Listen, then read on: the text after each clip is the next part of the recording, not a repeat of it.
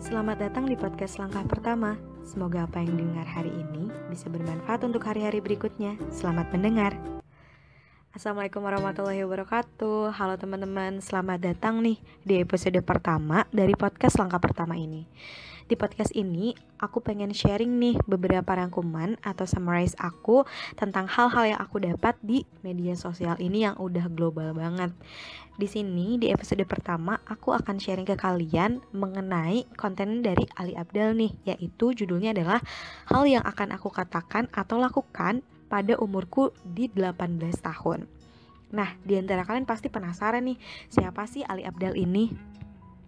Nah, Ali Abdal itu adalah content creator di platform YouTube yang suka membahas tentang produktivitas, pendidikan, kemudian income dan lain sebagainya. Kalian bisa searching beliau Ali Abdal di konten YouTube-nya.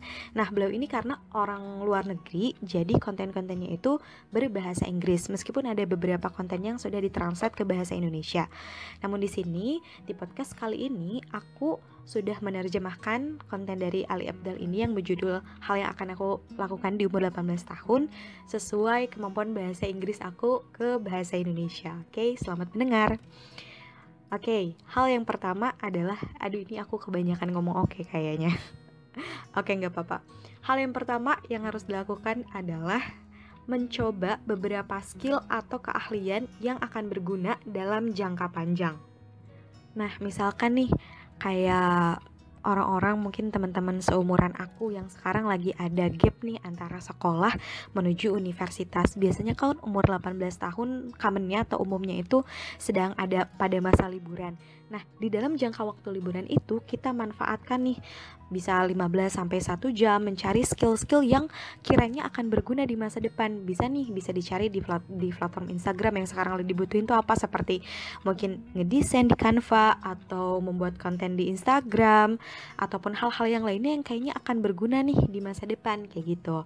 Yang kedua, Ali Abdal bilang pay attention to your posture jadi maksudnya Ali Abdul bilang kita tuh harus memperhatikan postur badan kita di usia kita yang 18 tahun. Karena mungkin kalau misalkan di usia-usia kita yang kayak 17 18 tahun nggak terlalu memperhatikan postur kita kayak mau main komputer main aja gitu tanpa um, tahu nih cara duduk yang benar kayak gimana atau cara tegap tuh kayak gimana. Mungkin di umur 17 18 20 belum kerasa tapi nanti di saat umur 25 26 dem kenapa postur gue kayak gini? Nah itu berarti di umur 18 tahun ini kalian harus benar-benar pay attention atau harus memperhatikan postur kalian. Ketika kalian lagi main laptop oh inget nih mumpung masih muda ya kita perhatikan nih postur tubuh kita harus tegap. Ketika apa pun tubuh kita harus tegap supaya kita bisa invest tubuh kita tuh bakal tetap tegap sampai umur kita di 26 30-an kayak gitu supaya di umur 26-an tuh nggak shock gitu kenapa tubuh kita uh, gak setegap atau nggak sebagus itu kayak gitu.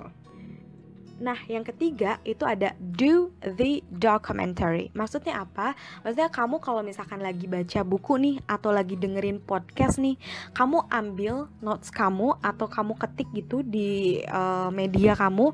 Kemudian kamu tulis apa yang kamu baca, apa yang kamu denger. Misalkan kamu lagi baca nih bukunya dari Mark Manson. Kamu lagi baca bukunya Mark Manson, halaman ini sampai ini misalkan. Nah, poin-poinnya itu apa sih yang kamu bisa dapat dari buku itu? Terus apa fungsinya di dalam uh, diri kamu yang mengubah sikap kamu ternyata ciptakan 15 menit untuk consolidate your thought gitu. Kayak apa sih yang sebenarnya aku pelajari dari buku ini, dari podcast ini dan bagaimana perilaku uh, aku setelah aku baca buku itu kayak gitu. Ataupun bisa bikin rangkuman ataupun bisa tulis uh, bikin tulisan di website kayak gitu. Nah, itu namanya do the documentary. Setiap kamu baca buku, kamu bikin notes. Oh, buku ini poin-poinnya ini, podcast ini poin-poinnya ini kayak gitu. Nah, yang keempat, Ali Abdal bilang, kita harus try to be a connector.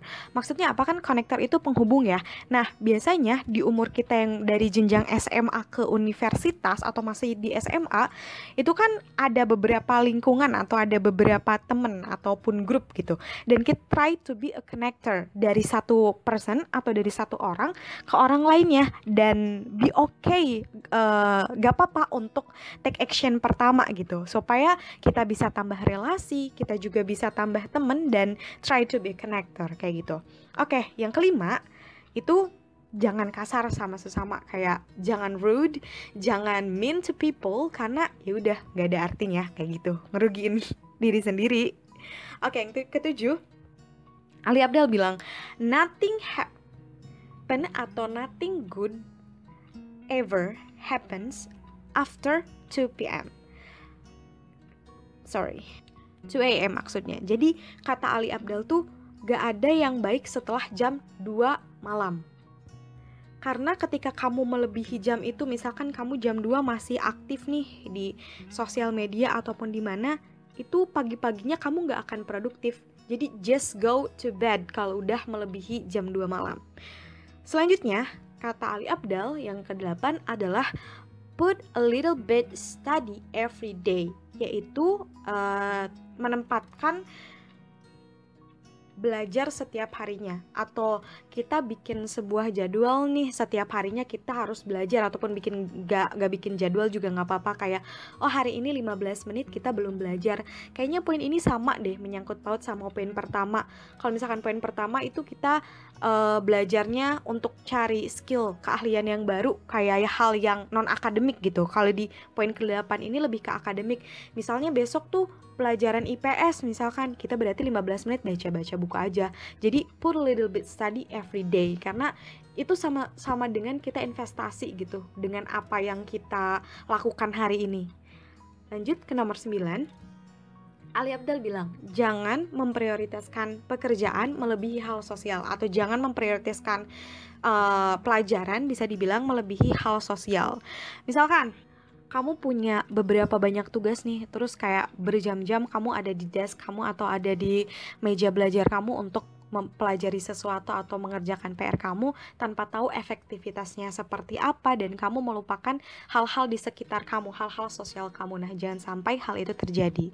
Kemudian yang terakhir, berhenti khawatir tentang pikiran orang lain tentang kamu. Karena sebenarnya mereka tuh gak mikirin kamu se apa yang kamu ekspektasikan. Jadi sebenarnya they really not thinking about you. Jadi kamu jangan khawatir tentang apa yang dipikirin orang lain kayak gitu. Just thinking, people nice, people friendly, and people just care about themselves. Jadi kita nggak usah worried worried banget tentang pikiran orang lain terhadap kita.